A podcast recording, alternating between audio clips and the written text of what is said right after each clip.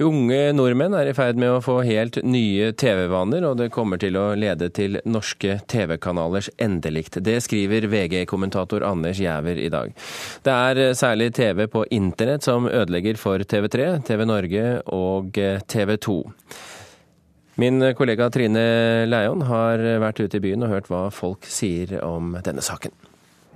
Jeg ser på TV på den gode gamledagse måten på TV. Da ser man på sånn der hvor det er minst reklame. Så NRK er bra, og Discovery Channel og sånn. Det er fint. Nei, ikke har jeg data og ikke har jeg internett, så det er greit. Jeg har TV-en som underholdning. Eh, jeg ser det på begge på skjermen og så på nett også. Eh, stort sett på TV-en og noen ganger på internett. På iPad og på TV. Jeg ser egentlig på, mest på nettet, egentlig filmer og sånn. Det er ingenting som tyder på at TV-kanalene holder på å dø ut. Tall fra TNS Gallup viser at tenåringer ser mindre på TV, men ikke noe mindre enn de to siste årene. Derimot har totalkonsumet økt. Folk bruker også TV-innhold via andre medier. Jeg er 19 eh, år, og i 2020 så tror jeg det at eh, jeg kommer til å se på TV via en sånn eh, super, supertynn touchskjerm på veggen. Og kommer sikkert til å se på det samme og interessere meg sikkert for det samme da. Så fortsatt natur og tjo og hei. Å nei, det klarer ikke jeg å tenke meg frem til. Jeg har ikke lyst til å tenke så langt frem, jeg. Jeg lever i nuet. Hmm. Nye ting. Så jeg er 67, og vi blir ikke yngre ved årene.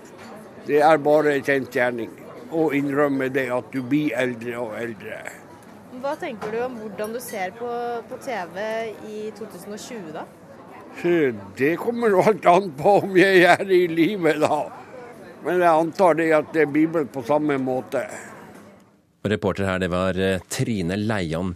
Anders Giæver, du eh, har eh, sagt at du spår TV-kanalens død. Hva legger du i det? Jeg legger i at TV-kanalene slik vi kjenner dem i dag, ikke kommer til å eksistere i den formen om 10-15 eh, år. Hvilke TV-kanaler snakker du om da? Jeg snakker om alle, alle de såkalte merkevarenavnene. Eh, litt som papiravis. Altså de TV-kanalene møter nå den samme utfordringen som vi i papiravisene fikk for en 15 år siden. Og um, de reagerer, eh, i hvert fall offisielt, litt på samme måten som vi gjorde, og snakket om at nei, det er bare så og så mange prosent som har PC hjemme, og så og så mange prosent som har internettilknytning eh, og sånn. Og, og det er nok riktig. Det er ikke så mange som nå har begynt å forandre TV-vanen og bruke alle de mulighetene du har med Apple TV og forskjellige andre bokser og, og streamingtjenester og sånn, men det kommer til å bli veldig mye mer av. Og du ser unge mennesker i dag, mine tenåringssønner, de har ikke noe forhold til hvor tingene går lenger. Om Homeland går på TV 2 eller TV Norge eller NRK. Det, enten så går det liksom rett i uh, boksen, den PVR-boksen, eller så, så, kan du kjøpe det via iTunes, eller du kan se disse programmene på alle mulige andre måter, både lovlige og ulovlige.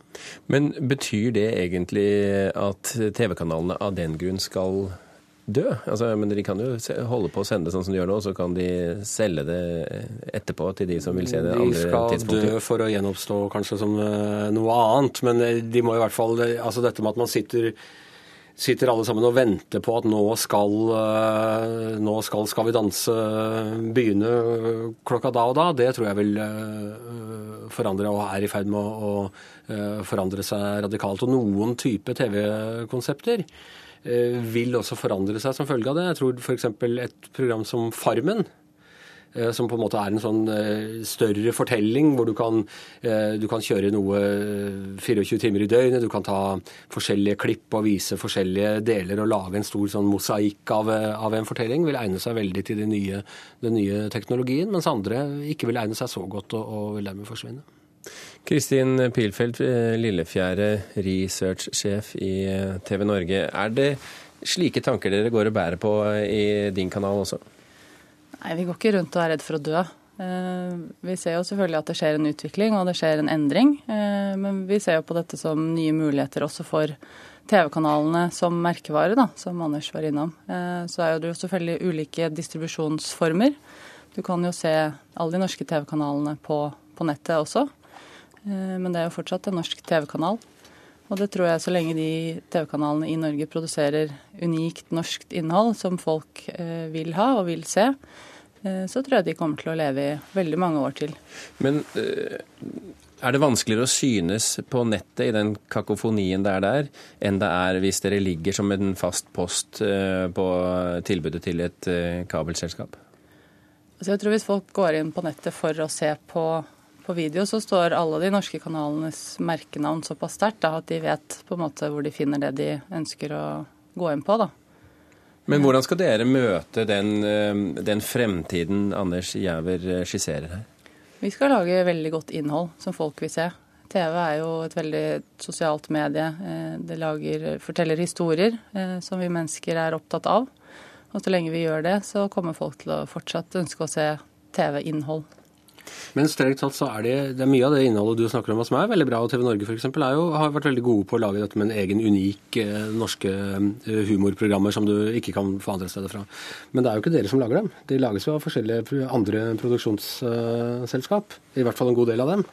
Eh, så spørsmålet er trenger man da kanalen som en sånn mellom mellommann der mellom oss og seeren. Hvis, hvis Thomas Giertsens helt perfekt hvis han selger den direkte til TV-seeren uten å gå først via TV Norge og så øh, via Get. Men at du bare du går og skrur på TV-en din og så vet du at du vil se helt perfekt med Thomas Giertsen, så finner du den uavhengig om den går på TV Norge eller hvor den er. Og så, og så ser du den direkte på TV-en. Det tror jeg vil være noe av utfordringen dere vil få fremover. Ja, men det er, jo, altså, det er jo mange programmer, og også mange norske programmer, og disse må jo markedsføres på en eller annen måte. Folk må jo få vite om det. Og da tror jeg TV-kanalen kommer inn i bildet med sin merkevare eh, i kanalen i seg selv, som da merkevarer et knippe av gode programmer. Og så vil man, fordi man kanskje liker ett av programmene eller liker kanalen, så vil man også prøve de andre programmene. Så jeg tror det kan bli vanskelig for produksjonsselskapene og kommer bare direkte inn til eh, seeren. Men hva litt... hvis da Thomas Giertsen får et vesentlig bedre tilbud hos eh, Apple eller Netflix f.eks. enn det dere gir? Nå driver jo ikke de med sånt, da, foreløpig. Men det kan Netflix, jo selvfølgelig... Netflix er jo det. De har begynt å produsere sine egne serier. Lillehammer er jo delfinansiert av eh, Netflix, f.eks. Ja, nei, jeg tror ikke det Jeg tror så lenge altså folk jeg tror det også bunner litt i valg. da, Det at vi tar så mye valg hver dag. Vi ønsker ikke nødvendigvis å gå og shoppe programmer. da. Eh, F.eks. på Netflix, da, jeg har jo det jeg selv også, men jeg blir litt sånn svett når jeg setter det på, for det er så mye der. Det er et bibliotek med titusener av titler som du da må drive og flippe gjennom. Eh, jeg vil jo gjerne da at noen flinke folk skal på en måte ta en del valg for meg og sette dette sammen på en god måte som passer meg. Og Det tror jeg gjelder veldig, veldig mange. Er det sånn tenåringsguttene dine også tenker, eh, Anders? Nei, sånn er det ikke. De vil ikke ha noen til å fortelle dem det. Og de orienterer seg jo da gjennom helt andre typer ting. Dels gjennom sosiale medier, dels gjennom uh, YouTube. Jeg er mer Jeg er der. Jeg er jo vokst opp med å sånn, sitte og vente på nå kommer barnetimen, liksom. Men uh, du venter fremdeles? Jeg venter fremdeles på det, for så vidt. Men uh, uh, den nye måten å, å spre informasjon og, og, skape hva skal du si, buzz om, om ting på, går gjennom mye andre typer kanaler. Og det er klart at TV-kanalene vil kunne fortsette å være med og påvirke det, men de vil operere på en helt, måtte operere på en helt annen måte. På lik linje som avisene altså de avisene som, store avisene som skal overleve, har måttet orientere seg på en helt uh, annen måte. Og vi er ennå ikke ferdig med, den, uh, med den store, det store hamskiftet der. Men den bussen stammer jo fra et sted. Den stammer jo gjerne fra en TV-kanal som har sendt dette. Kanskje i USA hvis det er utenlandske serier, eller da i Norge hvor det er norske serier. For de får du jo ikke tak i i forkant at de har gått på skjerm. Eh, så jeg tenker også Det som foregår da i sosiale medier, og hvor da dine sønner orienterer seg, det er jo basert på en eller annen jobb som en TV-kanal har gjort. da, I hvert fall mye av det. Jo, men etter hvert så tror jeg at disse tingene i større og større grad vil bli overtatt av folk som type Netflix og, og andre direkte, direkte leverandører, fordi du ikke har du vil ikke få den situasjonen at folk nå skal jeg sette meg ned og se på TV Norge i kveld, for der pleier det å gå så mange gode programmer. Den tror jeg dere gjør lurt i å, å i hvert fall ha alternativer til den, til den tankegangen. Ja, nei, vi har jo også vår, Alle våre programmer ligger ute som du kan shoppe fritt på nettet. Men jeg tror også det er en forskjell her på altså, hva skjer med disse tenåringsguttene når de blir 30 da, og får 2,4 barn eller hvor mange man får, og Volvo og bikkje og har ikke tid, da. Det er ikke, det er ikke sikkert at du har tid til å sitte og shoppe og ordne. og Da er det veldig greit å finne fra den der fjernkontrollen. da. Nei, jeg tror ikke du får den tannpastaen tilbake på tuben. Det, det tror jeg ikke. Altså. Det som er fint med fremtiden, er at den kommer sakte, men sikkert eh, til oss. Og vi kan se på den eh, når den kommer, og så får vi se hvordan dette vikler seg ut. Eh, Kristin Pilfeldt Lillefjære og Anders Giæver, tusen hjertelig takk for at dere kom til Kulturnytt.